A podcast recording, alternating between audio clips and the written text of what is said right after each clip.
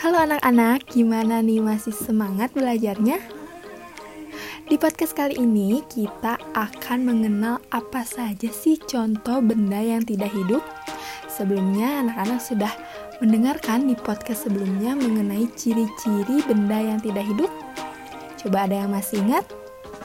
Oke, kita ulas kembali ya. Ciri-ciri benda yang tidak hidup. Yang pertama, tidak membutuhkan makanan dan minuman. Yang kedua, tidak bergerak, yang ketiga tidak bernapas, dan yang keempat tidak berkembang biak dan tidak tumbuh. Oke, pasti sekarang kalian sudah terbayangkan contoh benda yang tidak hidup itu ada apa saja? Nah, sekarang coba kita lihat di ruangan kelas. Biasanya kalian sering menemukan benda yang tidak hidup apa saja? Oke, betul. Ada papan tulis, ada meja, kursi, penghapus, kalender, pintu, jendela, tas, buku, dan masih banyak lagi. Coba kalau misalnya di rumah ada apa saja kira-kira?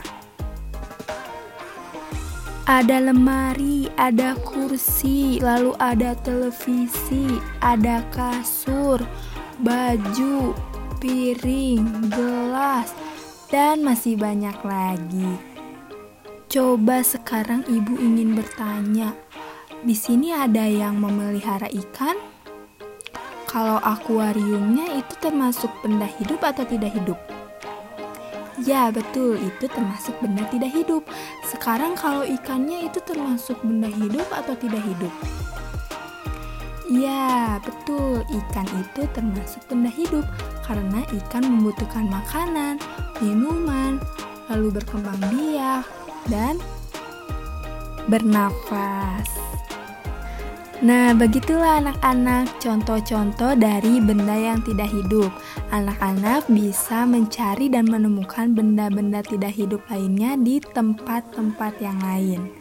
Sekian dari podcast kali ini. Ibu ucapkan terima kasih. Wassalamualaikum warahmatullahi wabarakatuh.